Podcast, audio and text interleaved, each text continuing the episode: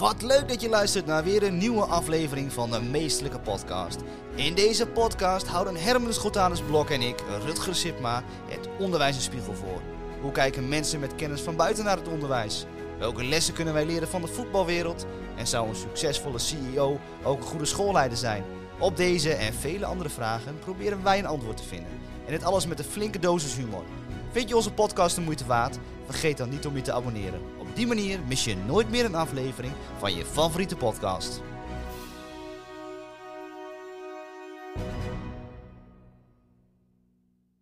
Een nieuwe aflevering van de Meestelijke Podcast. Ik ben vandaag uh, op locatie in het, uh, in het stadhuis van Enschede. Ik was eerst verkeerd, ik was in het stadskantoor. en, uh, maar dat heeft misschien te maken omdat ik daar um, zowel mijn dochter als zoontje heb aangegeven. En ik dan dacht, dat, dat is de plek waar ik moet zijn. Dus uh, uiteindelijk, ik ben ook hier met mijn vriendin geweest om ons partnerschap te ondertekenen. Maar ik dacht, dit is de plek voor ceremonies, daar wordt gewerkt. Nee, hier dat, wordt ook gewerkt. Ja, ja. Ja, ja, dat verrast je dan, hè? Ja, ja nou ja, je, je hoort de stem al. Ik zit hier met de wethouder.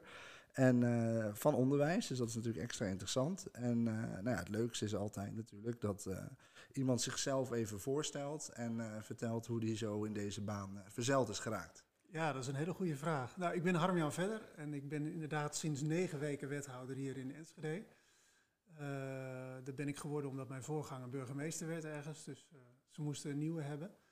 Uh, maar dat had ik denk ik niet uh, 10, 15 jaar geleden voorspeld dat ik hier in Enschede wethouder zou zijn. Nee, dat, uh... en waarom niet in Enschede? dat is zo specifiek dat, dat je aangeeft niet in Enschede.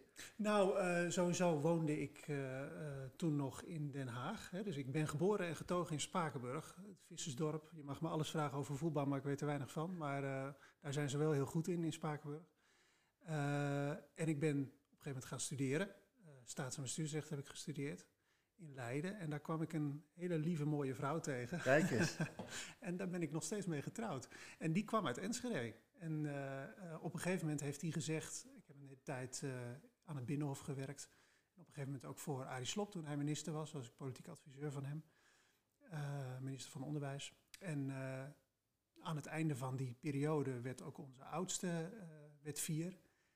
En uh, ja, die moest een school hebben. En Lisanne, mijn vrouw, die had altijd nog de wens om terug te gaan naar Enschede. En die heeft gezegd, ja, nu gaan we dat ook doen. En ik heb geen nee gezegd. Dus, uh, en, en, hoe lang is dat ik. geleden? Dat is een jaar of tweeënhalf geleden. Tweeënhalf. Ja. En het, het meest grappige is, dat, nu zeg ik gewoon iets tussendoor voor mezelf. Ik woon hier nu vier jaar. Ja. En ik vind politiek zeer interessant. En toen dacht ik, maar je kan natuurlijk never nooit iets als wethouder worden of zo in een stad waar je, waar je nog maar vier jaar woont. dat dacht ik zeg maar tweeënhalf ja. jaar zo. Nee, vier maar, jaar is te lang. Je moet, maar, je moet er maar tweeënhalf jaar wonen. Ja, dan, uh, dan is, oh, dan is het al te lang. Ik denk, ja, je moet de stad helemaal kennen. Je moet precies weten hoe het... Maar dat is natuurlijk niet... Ik kom uh, al wel langer in Enschede. Hè, dus ik, uh, mijn vrouw die heeft haar ouders en haar hele familie hier nog steeds wonen. En ik kom dus al, nou ja, zolang wij een relatie hebben, dat is nu 16 jaar of zo, 15, 16 jaar... Uh, kom ik ook in Enschede op regelmatige basis. Maar wij wonen er inderdaad ja. nog maar 2,5 jaar. En uh, ja, dus het heeft mij ook wel verrast. Dus in ja. die zin was het niet helemaal vanzelfsprekend. Nee, maar als je, als je zo hoort, het werk wat daarvoor gedaan werd bij Adi Slop... en, en natuurlijk gewoon politiek uh, dan actief... en ook nog een onderwijsachtergrond als het goed is. Klopt. Kan je daar iets meer over vertellen? Nou ja, ik heb toen ik... ik heb dus eigenlijk altijd in de politiek gezeten. En ik heb altijd in de politiek geloofd als een plek waar waar uh, verschillen worden overbrugd. Mooie plek, uh, politiek altijd interessant gevonden. Dus ik heb dat altijd gevolgd. Uh, dus toen ik staats- en bestuursrecht ging studeren, toen ben ik ook ja, in de politiek verzeild geraakt. Eigenlijk al eerder door, doordat ik op de middelbare school daar op dat spoor werd gezet, in terecht gekomen. En nou, op die manier de politiek ingegaan, bij de Tweede Kamerfractie van de ChristenUnie gaan werken. Dat was de politieke partij waar ik op een gegeven moment voor koos. En uh, daarna ook bij ARI terechtgekomen. En uh, ja, op die manier eigenlijk altijd met de politiek bezig, maar op een gegeven moment ook beu van de politiek. Van dat geego, uh, van zeg maar de eindeloze discussies die eigenlijk meer over beeldvorming gaan dan over inhoud. en ik was er zo klaar mee dat ik heel erg verlang had naar een plek met mijn voeten in de klei. En ik kom uit een onderwijsgezin. Mijn moeder die was kleuterjuf, mijn tante die was juf, uh, mijn zus die heeft de pabo gedaan, die is later teleurgesteld afgehaakt op het onderwijs. Doet nu andere mooie dingen. Maar altijd eh, dus in een onderwijsomgeving opgegroeid. En ik kreeg eigenlijk het verlangen om daar zelf ook eens te werken. Nou, toen ben ik gaan praten met een aantal mensen in het onderwijs. Van kan dat als je zelf nooit voor de klas hebt gestaan? En ik denk dat er meer mensen ja hebben gezegd dan nee. er waren Ja. ook wel mensen die nee zeiden hoor. Ehm, en toen ben ik dat gaan doen. Toen ben ik directeur geworden van eh, twee basisscholen hier in de buurt. Eh, heel leuke tijd gehad. Leerzaam. Ook wel geconfronteerd met dat het inderdaad soms ook wel uh, bikkelen is als je van buiten komt Ja. om in het onderwijs te werken. Maar ik heb er geen moment spijt van gehad. Nee, dus eigenlijk, van eigenlijk was je een zij-instroom eh, directeur, hè? Ja. zo noemen ze dat. Helemaal, En, en ja. is dat, zat er, heb je er ook een opleiding eh, voorbij gedaan? Yes, ja, afgerond en wel. Ik heb de diploma aan de muur hangen thuis. Ja, dus dan ben je officieel, eh, eh, wat, wat kan je dan zeggen dat je dan bent? Als je dat hebt Eh, afgerond? ik ben eh, schoolleider, denk ik. Ja, of hoe, hoe noem je dat? ja, maar Is, dat, is dat dan alleen voor het basisonderwijs of ook voor het, eh, zou dat dan overal kunnen? Eh, ik denk dat dat alleen in het basisonderwijs is. Dus ik ben echt geregistreerd schoolleider voor het basisonderwijs. Ja. Eh, dus de opleiding vakbekwaam. Ja, en eh, ja, je hebt vakbekwaam, je hebt basisbekwaam en uiteindelijk vakbekwaam. En die ja, heb je beide afgerond. vakbekwaam, ja. Ja, precies. Dus ook, eh, en en eh, dat was hier, eh, in welke omgeving heb je dat gedaan? Nou ja, ik weet niet meer precies waarom, maar ik ben uiteindelijk in Utrecht terechtgekomen voor die opleiding. Dus ik ben naar de Mannix Academie gegaan en daar Ja. heb ik die opleiding gevolgd. Het leuke was, ik heb die opleiding gevolgd met allemaal mensen die deze stap maakten. Dus eh, er was iemand die bij de VN werkt en die graag basisschooldirecteur wilde worden. Iemand die bij de Rabobank in het grote geld zat en zeg maar over miljoenen eh, eh, ging in zijn werk, maar die ook naar die basisschool toe Ja. wilde. Zo waren er allemaal mensen die eh, eigenlijk het verlangen hadden. Eh, gemeenschappelijke delen was een beetje. Het waren allemaal mensen die hun eigen, eh, hun eigen baan een beetje zat waren. En een diep verlangen hadden om een verschil te maken met wat Ja. ze in hun werk deden. En het mooie is natuurlijk, in het onderwijs vraag je je geen dag af of je wel een Nee, verschil maakt. niet. Want dat doe je iedere dag. Dat is natuurlijk heel gaaf. En is, weet je toevallig van hoeveel van die mensen er nu nog steeds directeur zijn? Want je bent zelf gestopt en je hoort hè, een schoolleider tekort. eh, zeggen ze zelfs dat in verhouding dat hij het grootst is. Ja, klopt. Hoe, hoeveel eh, zijn er nog over of is er nog wel eens contact mee geweest? Eh, ik heb daar zeker nog steeds contact mee. Wij eten ook nog af en toe met elkaar. Oh. En daar doe ik ook nog gewoon aan mee, ook al ben ik geen schoolleider meer. Er zijn ook, ik denk, twee studiegenoten die hebben volgens mij geen baan in het onderwijs uiteindelijk gezocht. Maar die zoeken dan een baan meer in beleidswerk in, en, en willen op die manier zeg maar, wat bijdragen aan het onderwijs. Er zijn er ook een heleboel die gewoon echt inderdaad hardcore basisschooldirecteur zijn geworden.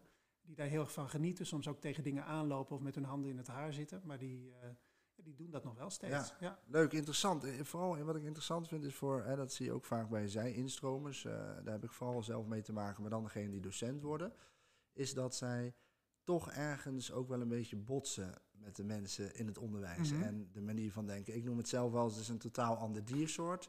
Het zijn gewoon eh, eh, ja, bepaalde type mensen die daar werken. Eh, Ja. heb je daar zelf ook ervaringen mee opgedaan? Dat je denkt, nou, het is toch lastig om als buitenstaander daar zomaar binnen te komen. Ja, het, zeg maar, ja en nee. Ik ben door die teams, die hebben mij meteen heel veel vertrouwen gegeven. Maar ik heb ook meteen wel mijn hart op tafel gelegd en gezegd van ja, kijk, ik kom nu van buiten het onderwijs. Ik heb vanaf het ministerie van Onderwijs natuurlijk wel veel ervaring opgedaan met het een en ander. Maar ik weet niet alles. Eh, dus jullie moeten me helpen. En eh, omgekeerd weet ik dingen die jullie niet weten. En we gaan er samen wat moois van maken. Eh, dus die omarmden me meteen. De kinderen ook meteen. Hè. Dus Ja. ik bedoel, je komt daar binnen en je bent meteen meester Harm-Jan. En je moet vragen beantwoorden over je lievelingsdier en je lievelingskleur. Hè. Zo werkt het gewoon. Ja. Dat is heel mooi aan kinderen, die omarmen je gewoon meteen. Maar dat deden die teams ook wel en ouders ook. En achter was natuurlijk wel eens een vraag of, of er werd wel eens een grapje gemaakt over, oh ja, dat weet jij niet, want... En ik ben, ook wel, eh, ik ben er ook wel eh, het first ingedoken, om het even in lelijk Nederlands te zeggen. Eh, ik heb op een gegeven moment, eigenlijk mag dat helemaal niet, dus ik hoop niet dat ik nu gearresteerd word achteraf, maar ik heb op een gegeven moment ook een dag zelf les gegeven. Ja. Toen een collega uitviel. Onbevoegd zeggen we dat. Onbevoegd, ja, precies. Nou ja, inderdaad, dat moet je eigenlijk echt niet hebben. En die dag was er ook een bewijs voor dat het echt een vak is waar je niet zomaar in moet prutsen. Maar we hadden door ziekte, anders had de klas naar huis gemoeten. Dus ik dacht, ik ga het een keer doen. En ik leerde denk ik ook wel veel van. Nou, dat was zeker zo. Eh, sowieso, gewoon als leerkracht kan je niet eventjes eh, tegen de koffieautomaat leunen en denken van nou, even, even op adem komen. Ja. Zoals je dat als ambtenaar of als eh, iemand in het bedrijfsleven wel kan doen. Er wordt ook hard gewerkt, maar je kan ook even tegen de koffieautomaat leunen. Nou, dat gaat niet, want die kinderen die vragen voortdurend je aandacht. Je moet voortdurend scherp zijn om ieder kind ook te zien. Eh, en bovendien moet je ook nog didactische kwaliteiten hebben, want je moet dingen goed kunnen uitleggen, ook op zo'n manier dat het lampje aangaat. Nou, ga er maar eens aan staan. Ehm, nou, zo zijn er nog een heleboel dingen die heel eh, knap zijn aan wat leerkrachten iedere dag voor de klas doen. Dus zeer veel respect voor. Maar ik heb er ook wel een paar dingen van geleerd. Bijvoorbeeld, eh, als ik daarna zelf lesbezoeken aflegde, hè, dus dan ging ik achter in de klas zitten kijken hoe mijn collega deed, viel mij soms wel op dat ze wel heel vriendelijk zijn voor de collega's. Dus ik heb sommige collega's ook wel gezegd, jongens, die lat mag ook best wat omhoog. Volgens mij gaan die kinderen er dan van aan. En inderdaad, dat werkt. dus uh, zo kun je als buitenstaander soms toch ook dingen observeren die in het onderwijs een beetje gewoon zijn geworden. Namelijk heel goed zorgen voor kinderen en soms ook te goed, te makkelijk maken. Meer op het pedagogische vlak. Dus, Precies, uh, ja. Terwijl je didactisch dan eigenlijk de lat best wel wat hoger zou kunnen leggen. En, en eh, tussendoor zei je nog even van, het, het, scheelt ook wel dat ik ervaring uh, opgedaan heb bij het ministerie. als je uh, menigeen, uh, in ieder geval in het onderwijs, hè, tegenwoordig is het heel erg docenten tegen bestuurders, hoor je heel mhm. veel online, hè, dat de bestuurders niks meer goed doen. Maar je hoort ook vaak genoeg dat ze bij het OCW totaal geen idee hebben wat er in het werkveld zich afspeelt en hoe dat is. Maar je gaf zelf aan dat je best wel wat hebt meegenomen uit die periode. Ja. Hoe, hoe, hoe, heb je dat kunnen doen daar? Ja, ik vind het ook een onterecht verwijt hoor, wat bij het ministerie aan het adres van het ministerie soms wordt gemaakt. Uh, allereerst wat heel mooi is, bij het ministerie van Onderwijs hebben ze als eerste ministerie van alle ministeries vakspecialisten uh, in dienst genomen die dus parttime ambtenaar zijn en parttime gewoon voor de klas staan of gewoon schoolleider zijn. Echt geweldig, hè? Ik bedoel, en die mensen die werden echt ingezet, die kregen niet allemaal heel veel werk en dan ergens in een kantoortje verstopt. Die kregen echt de taak om het ministerie uit te dagen om uh, na te denken over hoe dingen vallen op de werkvloer ik zeg niet dat we dat allemaal perfect deden. Ik denk dat iedereen, iedereen die luistert eh, precies weet dat het ook wel eens misging. Uh, maar er zit wel een enorme bevlogenheid op dat ministerie, ook voor uh, wat er in het onderwijs gebeurt. Uh, kijk, en het hangt ook af van de politieke leidingen. Ik maak me nu bijvoorbeeld best wel zorgen over wat er over het onderwijs wordt uitgestort vanuit het ministerie. Maar dat komt dat er een minister zit die hele andere opvattingen heeft over het onderwijs dan ik heb. En wat, voor, wat voor specifiek iets zou je uh, benoemen? Want uh, zelf, ja, ik volg van alles, dus ik hmm. lees ook alles. Dus dan zie ik ook dat nu docenten, uh, docenten op Twitter zijn wel weer anders dan op LinkedIn. Maar op Twitter hoor je toch wel docenten zeggen, ah, eindelijk een minister die wat, die wat doet. Hmm. En daarvoor hadden we een minister die vooral afwezig was voor hun gevoel. Hè? Dus hmm. dat, nu zie je dat natuurlijk die salarissen gelijk werden getrokken voor POVO. Uh, eh, je, je, zag dat hij nou ja, misschien wel die bestuurders aanpakte enzovoort. Of dat het een goede manier is of niet. Maar het, voor docenten lijkt het alsof zij het gevoel hebben van we hebben eindelijk een minister die voor ons uh, ja, staat. Ik ben natuurlijk niet helemaal objectief, hè, want ik heb voor de vorige minister gewerkt. Toen was ik, ik was zijn politieke adviseur. Ik vond, dat, ik vond het geweldig wat wij hebben kunnen doen. Dat was overigens niet alleen de verdiensten van die minister, maar ook gewoon van het politieke tij. wij hebben een heel eind uh, die loonkloof kunnen overbruggen. Dat is nog het werk van Arie geweest. Hè? Ja, dus, dat, maar dat eh, is een hele, hele boeiende. Want eh, toevallig had ik het daar thuis met mijn vader ook over. Van, de mensen zien alleen maar natuurlijk wat er dan vandaag geregeld wordt. Mhm. En die hangen dat dan aan die minister vast. Dus, mhm. dus dan heeft nou ja, Wiersma geregeld dat die kloof gedicht is. En die benoemt dat ook gerust in zijn... Maar, maar jij geeft aan dat het eigenlijk begonnen was al onder uh, Arie Slop. Ja, wij hebben dat thema heel consequent op de agenda gezet. Uh, er is, uh, geloof ik, een, loonsverhoging van 15% geweest in de tijd dat Arie uh, minister was. Toen waren er nog niet van die inflatietarieven, dus dat was heel indrukwekkend. Maar kijk, het is ook een beetje de foute discussie. Je zit niet in de politiek om bloemen te krijgen.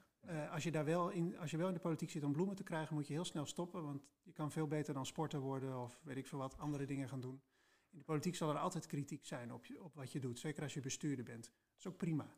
Uh, dat hoort erbij. Het gaat erom of je aan het einde van de dag uh, aan jezelf kan uitleggen of je alles hebt gedaan om een verschil te maken. Ik ben heel erg onder de indruk van wat uh, Arie op dat gebied heeft gedaan. je kunt daar ook iets anders van vinden. En zo zal een volgende minister ook weer alles doen naar zijn overtuiging om de goede afslag te nemen.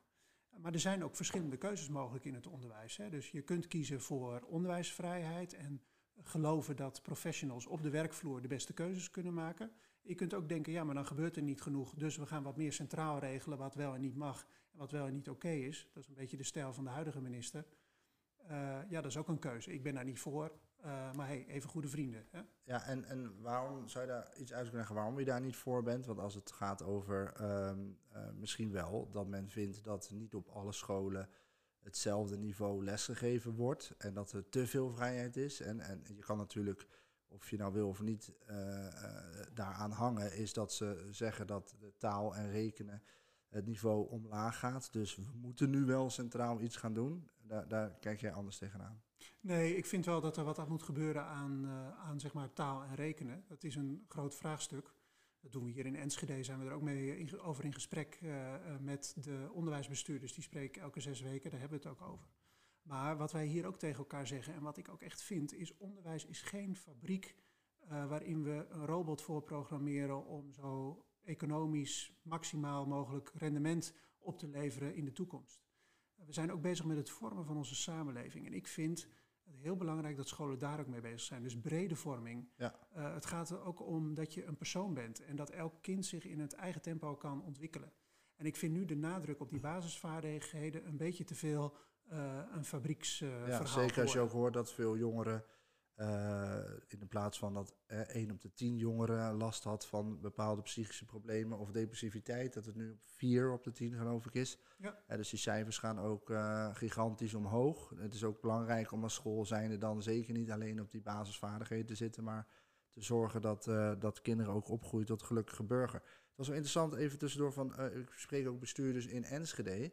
Is het, in ieder geval sinds ik ook hier woon, spreek ik natuurlijk wat mensen die hier wonen. Um, Leuke stad, hè? Ja, zeker. En, en, en ook echt een schitterende omgeving. Maar ik begin wel langzaam hen te begrijpen met die, dat gevoel naar het westen toe. Ik ga zelf nu nog wel met de trein heen en weer. Maar het is wel alsof er in het westen alles gebeurt. En dat, hè, we hoeven niet te hebben over uh, andere discussies, maar ook even over onderwijs. Daar lijkt ook alsof alles in het westen gebeurt en georganiseerd wordt en bepaald wordt. En dat het daarover gaat. Uh, en eigenlijk nooit over wat er hier uh, gebeurt. Dat zie je ook als er bijeenkomsten zijn, dan komen vaak de sprekers en de, de mensen die uh, er naartoe gaan. Zelden uit uh, deze kant. Wel ja, in Enschede denk ik dat daar ook genoeg uitdagingen liggen en ook genoeg mensen zijn die mooie dingen doen. Ja, dat is, dat is wel te voorstellen, voor te stellen dat je dat gevoel hebt. Tegelijkertijd wil ik ook wel een beetje oppassen voor een soort Calimero-gevoel. Hè? Kijk, Enschede is gewoon een mooie plek. En als de rest van Nederland dat niet helemaal door heeft, hey, uh, hun los. Hè? uh, dus uh, je kunt hier prachtig wonen. Het is, ik heb er nog geen minuut spijt van gehad, van die overstap. maar iedereen zo zijn keuze. Wat ik wel vind, ik ben heel erg druk met kansengelijkheid hier in Enschede. Dat heeft ook te maken met de geschiedenis van de stad. Traditioneel een stad waar ook wel veel armoede is. En waar dus veel kinderen niet de kansen hebben die hebben gekregen in het verleden uh, die, uh, je, die ze wel zouden verdienen. Als je kijkt naar de cijfers, dan is de sociaal-economische score van uh, de stad Enschede ja, de op drie na slechtste. Dus we staan, ik moet het anders zeggen, we staan in de top drie van slecht scorende steden. En die sociaal-economische score die bepaalt welke kansen kinderen hebben. Ander onderzoek van de Erasmus Universiteit, opnieuw een top 5 score. Enschede staat in de top 5 van gemeenten waar kinderen de minste kansen hebben.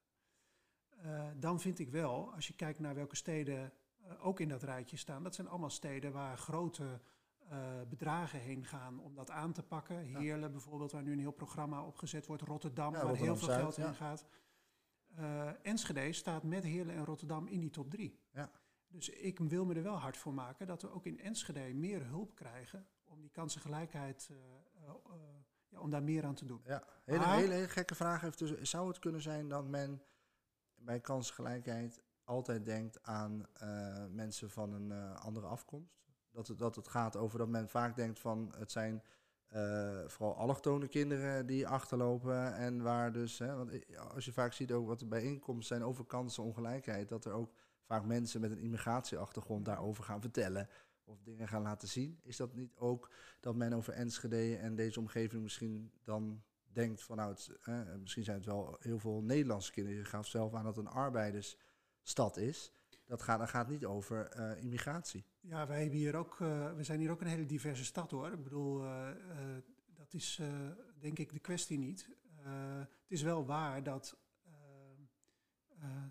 ja, dat wij hier ook zeg maar autochtone kinderen hebben die niet de kansen krijgen die ze wel zouden verdienen. en waar we wat aan willen doen. Maar het gaat mij er niet om wat voor afkomst je hebt. Het gaat mij erom uh, welke kansen je hebt. En, uh, ik vind het belangrijk dat we als gemeente doen wat we kunnen om ervoor te zorgen dat kinderen in het onderwijs kunnen, tot bloei kunnen komen, hun gaven en talenten kunnen ontwikkelen. Echt die brede ontwikkeling waar ik het eerder over had. En daar moeten we gewoon voor aan de bak. wij hebben nu iets heel bijzonders als Enschede. We hebben een tienjarenplan gemaakt, kansengelijkheid, met allemaal maatregelen om daaraan te werken. We gaan daar vanuit de gemeentebegroting ook geld bij leggen. Uh, dat is schrapen, want we zitten best in een krappe tijd als gemeente. Dat heeft iedereen wel eens gehoord. Maar als college maken we dus heel bewust de keuze om hier ook middelen voor in te zetten. En, en zou je een voorbeeld kunnen noemen van, uh, hè, je komt uh, uit een bepaalde wijk of een bepaalde school. Ik was van de week bijvoorbeeld bij de Cubus. Die, dat is dan een, in die wijk, dat staat ook bekend als daar ja. kinderen met wat problematiek. Wat, wat kan zo'n school verwachten van, van de gemeente? Nou ja, wat wij doen sowieso is alle scholen waar 25% of meer kinderen gebruik maken van de jeugdhulp, daar hebben we uh, iets heel bijzonders voor gemaakt. Dat is het onderwijs jeugdhulparrangement. De naam is niet zo heel erg sexy, maar uh, het is wel echt een fantastisch project. wat we eigenlijk doen is, al het geld wat we aan jeugdhulp uitgeven op die school, vegen we op één grote hoop. we vragen één jeugdhulporganisatie om een medewerker op die school te zetten, die met al die kinderen gaat praten die jeugdhulp nodig hebben. En die kan gewoon met die hele grote zak geld precies de dingen doen die die kinderen nodig hebben. In overleg met het onderwijsteam. Want kijk, het is gewoon zo dat uh, onderwijzers en uh, alle andere mensen in het onderwijsteam, die hebben het beste door wat kinderen nodig hebben. En die hebben ook het eerste door wat kinderen nodig hebben. En op die manier geven we dus in Enschede op een veel betere manier jeugdhulp. Ook zelfs nog tegen wat lagere kosten. Nou, geweldig. Ja, alleen uh, ze zijn wel allemaal volgens mij gewoon om, heel veel gaan nu op een continu rooster. Als je dan kijkt van kinderen die in een bepaald gezin opgroeien, waar dus al, nou ja, misschien lastig is, die staat al 6-0 achter, zeg maar. Dan uh, ben je tot kwart over twee op school. En dan? Ja, maar we houden natuurlijk niet op bij het onderwijs. We werken ook samen met de kinderopvang en de naschoolse opvang. We bieden naschoolse programma's aan. Ja, want, want kunnen zij daar dan gratis ook weer naartoe, na schooltijd? Ja, er zijn uh, programma's waarbij je kunt sporten, waarbij je kunt, uh, we gaan daar ook cultuur aan toevoegen nu. Dat staat allemaal nog een beetje in de kinderstoelen, maar dat, kinderschoenen. Maar dat gaan we dus nu opzetten vanuit het kansengelijkheidsbeleid om daar meer mee te doen. Uh, we hebben ook huiskamers in, in, op het voortgezet onderwijs, waar kinderen, leerlingen terecht kunnen en kunnen praten met een jongerenwerker. jongerenwerker hè, want je ziet gewoon dat heel veel kinderen nog de last van corona met zich meedragen ja. of op een andere manier gewoon in de psychische nood zitten ja, wij maken plekken op de middelbare scholen waar dat het meest speelt, uh, waar ze nou, gewoon even kunnen uh, chillen en praten met ja. iemand. Uh, dat soort dingen die helpen denk ik heel erg. Ja, precies. Maar ja, ik vind wel, in ieder geval, je hoort veel over kansgelijkheid. En ik ben nu een, een boek aan het lezen over de tirannie van de democratie. Ah. En dat interessant boek, mooie stukken staan erin. En een van de dingen was, iedereen heeft over kansengelijkheid, maar we moeten hebben over gelijke uitkomsten. En dat vond ik een mooie om ook voor mezelf, want we hebben het eigenlijk ook hè, in, in, Rotterdam en overal is kansgelijkheid een heel uh, populair uh, begrip. Alleen uh, is dat niet te veel gericht op van nou, we hebben je dan straks heel veel geld daarin gestopt, dus we geven iedereen gelijke kansen. Dat we daarna, en dat geeft hij ook in het boek aan, dat als we eenmaal aan het werk zijn en mensen zijn daar niet, waar de ander wel is, en dan hè, hebben niet gestudeerd, hebben niet een bepaalde opleiding gedaan, dat daarop neergekeken wordt, omdat ze wel die kans hebben gedaan. En dan moet ik ook gelijk denken aan iemand die net uh, met een Turkse achtergrond volgens mij uh, heel erg negatief uh, reageerde op dat er een vacature stond waar mensen met een allochtone afkomst op konden reageren. En die zei, ik word nu ook, nou ja, eigenlijk een beetje als een soort malle piet neergezet van dat, dat, dat ik meer kansen krijg dan een ander omdat ik allochtoon. Ik wil gewoon helemaal uh, gezien worden als, als wie ik ben, zeg maar. En ook niet op die manier. Maar is daar het, gaat is, het ook over, hè? Dus zeg maar, het gaat ook over gelijke kansen. Het is dus zo dat in onze stad het ene kind gewoon meer kansen heeft om er wat van te maken dan het andere kind. Ik vind dat. Maar is dat uh, niet altijd, zullen we dat niet altijd houden? Nee, Omdat tuurlijk, je, tuurlijk, je komt uit een ander gezin, je komt uit, dat, is, dat kan het onderwijs en ook de gemeente nooit voorkomen. Moeten we dan niet ook heel erg gaan kijken dat we als gemeente en voor die gelijke uitkomsten gaan? Nou ja, maar waarom ik moeite heb met die term gelijke uitkomsten, uh, is omdat ik vind dat de overheid ook maar een beperkte rol heeft. Eigenlijk precies wat jij nu zelf zegt, zou ik uh, willen inbrengen tegen dat gelijke uitkomstenverhaal. De overheid kan niet bepalen wat jij van je leven maakt. Dat is aan iedereen zelf. Uh, de overheid kan ook niet bepalen dat jij fijne ouders hebt en een gelukkig thuis. Helaas, het zou bijna mooi zijn als het zo werkte. Maar gelukkig heeft de overheid maar een bescheiden rol. Het enige wat wij kunnen doen is her en der een zetje geven om kinderen die in vervelende situaties te zit, zitten, uh, ja, toch wat vooruit te helpen. Uiteindelijk zullen kinderen zelf een groot deel van die tocht moeten afleggen. En zullen leerkrachten een groot deel van het werk moeten doen om die kinderen verder te helpen. Dat kan ik niet als wethouder van achter mijn bureautje bepalen. Wat ik wel belangrijk vind, is dat we uh, er op de goede manier over praten. dus dat kinderen niet het gevoel krijgen, we moeten allemaal gelijk zijn. Je hebt het over studeren en weet ik veel wat.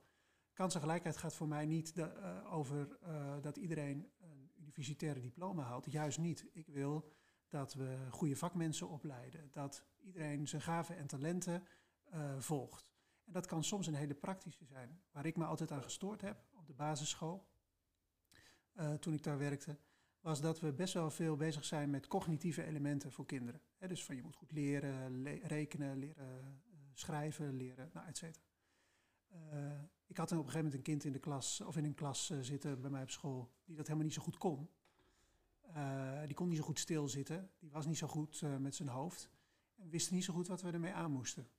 Totdat we de conciërge vroegen om een tijdje met hem op te trekken. Die gaf hem een soldeerdraadje, een soldeerbout. En na anderhalf uur lag er een prachtig voetballogo. Ik zal niet zeggen van welke club, dat moet je als Rotterdammer aanspreken. ik vond het slecht voetbalonderwijs, maar toen maar. Uh, een prachtig Feyenoord logo op een houten plankje. En de jongen die had daar zeer geconcentreerd aan zitten werken. Laat zien, als je kinderen maar op de goede manier uitdaagt, komen hun gaven en talenten er wel uit. En dat doen we niet altijd. Nee. En dat moeten we beter gaan doen. En, en hoe, even de, een nuance daarin, hè, is het niet vaak ook zo dat we zeggen, iemand is niet zo uh, goed met zijn hoofd, zeg maar, en dus dan gaan we naar het praktische. Is dat niet ook vaak juist dat we daardoor denken dat mensen die niet zo goed kunnen leren naar het praktische gaan. Terwijl dat natuurlijk totaal niet van belang is. Je kan ook heel goed met je hoofd zijn en naar het praktische gaan. En je kan ook wat minder goed met je hoofd zijn en een langere weg nemen om naar het theoretische te gaan. Ja. Dat is soms wel een beetje onderbelicht, omdat we dan wel vaak voorbeelden natuurlijk ook gericht op van, uh, nou ja, dan uh, diegene kan heel goed ook met zijn handen werken. En dat zie je ook vaak met, met VMBO, dat we heel erg roepen, we hebben het VMBO nodig, want we uh, mensen die praktisch opgeleid. Maar wie zegt dat als iemand op het VMBO zit, dat hij natuurlijk ook praktisch opgeleid wil worden. En misschien juist een hele andere kant uh, op zou willen. Ik zou sowieso hopen dat we iedereen praktisch opleiden. Want we hebben denk ik weinig aan onpraktische opleidingen. Helemaal eens. Uh, en ten tweede, ik denk dat het heel belangrijk is dat iedereen zijn gaven en talenten tot uiting laat komen. Kijk, op een gegeven moment, waarom ben ik in de politiek terechtgekomen? Omdat ik op een gegeven moment op mijn middelbare school uh, mee kon doen aan een debatwedstrijd. En daar ontdekte ik, was altijd een beetje een verlegen jongetje, van hé, hey, maar ik vind wel wat en ik kan er ook nog woorden aan geven. En met die woorden kan ik anderen overtuigen om aan mijn kant te komen staan. En toen dacht ik, ja, maar dit is wat ik kan. Dit is waarvoor ik, nou, ik wil het niet dramatisch doen, maar waarvoor ik op aard ben, bij wijze van spreken. Ik, ik, ik wil dingen veranderen. Uh, en zo ben ik in de politiek terechtgekomen.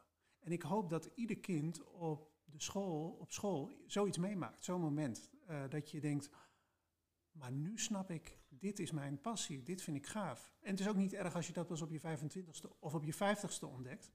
Uh, maar laat de school in ieder geval een prikkelende omgeving zijn, waar je uh, alle kansen krijgt om te ontdekken wat bij jou past. Ja, precies. Zit er ook nog een landelijke ambitie uh, in. Het is pas negen weken natuurlijk hier. Maar het, uh... ja, mag ik eerst dit even afmaken? Nee, ik uh, vind het heel leuk om wethouder te zijn. Dat had ik niet van tevoren bedacht. Ik heb ook nooit gezegd, uh, ook niet toen ik zeg maar die debatwedstrijd deed, had ik niet bedacht van, oh dan vind ik het leuk om wethouder te worden of zo. Dus dat is ook een beetje een verrassing. En ik heb, ik heb nooit dat soort dingen heel erg uh, van tevoren bedacht. Maar uh, ja, ik ben door mijn vrouw meegenomen naar Enschede. En die is van plan hier uh, heel lang te blijven. Dus voorlopig mag ik nergens heen. Je gaat niet met meneer Omzicht in de trein elke week. Nee, nee, nee, nee, nee. ik denk niet dat dat gewaardeerd wordt thuis. Nee. En, en, en de ChristenUnie, dat, is, dat, dat, dat, dat, dat zegt ook iets, zeg maar. Is dat, hoe neem je dat mee in, in, in, in je werk, in je dagelijkse werk? Nou ja, we zitten hier op mijn werkkamer. Hè. Dat kunnen de podcastluisteraars natuurlijk niet zien. Maar uh, als je hier op het kastje kijkt bij mij, daar ligt een Bijbel. En dat is dus uh, stap 1. Ik heb hier een Bijbel liggen. Ik probeer er elke dag even in te kijken uh, tussen de vergaderingen door. Ik lees thuis ook Bijbel. ja, ik ben echt christen. En ik, geloof, ik geloof in God en in, in, in Jezus. Die wil ik volgen in zijn, zijn levenslessen, wil ik volgen in mijn leven. Ik kan me voorstellen dat heel veel mensen daar helemaal niks mee hebben. Uh, maar voor mij is het een persoonlijk een heel belangrijke motivatie om ook te doen wat ik doe. Uh, ik geloof dat we ook door God gemaakt zijn om een verschil te maken voor anderen. en overigens niet alleen een verschil te maken voor medechristenen, maar voor iedereen. Hè? Dus ik ben niet wethouder van de christenen hier in Enschede. Ik ben wethouder van alle mensen in Enschede, of je nou atheïst bent of moslim of christen. maar wel vanuit mijn persoonlijke overtuiging dat we gemaakt zijn om een verschil te maken. Ja, daar komt misschien ook die, die talentenopmerking vandaan. Dat je die. Uh, ja, dat is wel een beetje bijbels. Ja, die is wel bijbels. Ja, ja, en talenten, dat is echt zo'n term uit de Bijbel. Maar ik geloof er wel in. En ik, en ik geloof ook dat het uh, bij iedereen wel resoneert. Iedereen snapt ook meteen wat je bedoelt. Heeft iedereen ze eigenlijk? Ja, denk het wel. Ja, of is het gewoon.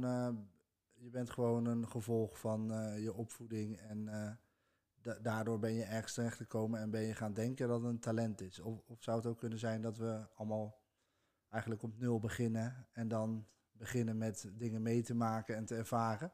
Of denk je echt dat je geboren wordt met bepaalde talenten? Ja, het is mijn overtuiging, maar dus, dat heeft ook met mijn geloof te maken, dat we bedoeld zijn. Dat God onze namen al kende voordat we, voordat we geboren werden. En dat er in ons, in ons leven ook een bepaalde bedoeling is gelegd. Zonder dat het nou een hele hoge lat is waar je die je aan moet raken en, en zeg maar waar, je, waar je nooit aan kan voldoen. Uh, maar ik geloof wel dat, ik geloof dat voor ieder mens, ook voor ieder mens in mijn stad Enschede, dat voor ieder leven een bedoeling is. En dat kan zitten in hele kleine dingen. Hè. Dat hoeft echt niet te zijn wat voor werk je doet of uh, hoe geweldig je je leven voor elkaar hebt. Ik bedoel, elk leven kent ook zijn, zijn lage momenten waarin je helemaal aan de grond zit en maar dan kan het misschien zijn dat je nou, iemand even helpt uh, die een zware boodschappentas draagt. Uh, van hé, hey, zal ik even helpen tillen? Of uh, ook in die kleine dingen. Het gaat over het doorgeven van liefde. En dat kan ook je bedoeling zijn. Ja. Dus, of misschien juist wel. dat zit helemaal niet in, ben je een wethouder of ben je een leraar of ben je... Een, dat, dat, dat is helemaal niet relevant. Het gaat om wat jij doet met de mensen die je om je heen tegenkomt. Maar even een, een hele, hele flauwe, als het al geschreven staat, kan je dan ook gewoon gaan ervaren en gaan zitten en uh, enjoy the ride? Of, je eh? gaat er een hele theologische podcast van maken, interessant. Uh, nee, nou ja, ik snap je vraag wel. Kijk, dit, dit, gaat over de predestinatie leren, hè, om het maar eventjes chic te zeggen. ik geloof dat God alles in zijn hand heeft, maar God is almachtig. Dus je kunt daar je hoofd wel omheen proberen te, te, te, te draaien, maar dat gaat nooit lukken. Dus ik vind het heel moeilijk om daar wat over te zeggen. Ik geloof dat je alle keuzevrijheid hebt als mens. Dat is ook trouwens het verhaal van de Bijbel. Hè? Uh, dat God je alle keuzevrijheid laat en dat je dus ook de keuze hebt om fouten te maken en om hele erge fouten te maken. De Bijbel is niet een boek van allemaal uh, lieve, aardige mensen die het keurig voor elkaar hebben, maar vooral een, mens, of een boek over mensen die heel erg zondig zijn en die er heel erg een puinzooi van maken. Uh, en ik denk dat we dat allemaal herkennen in ons leven. nou, en ik geloof, ook even vanuit onderwijsperspectief, is dat altijd mijn overtuiging geweest, dat elk mens uh, ja, dus iets mee heeft gekregen van God wat bedoeld is voor deze wereld.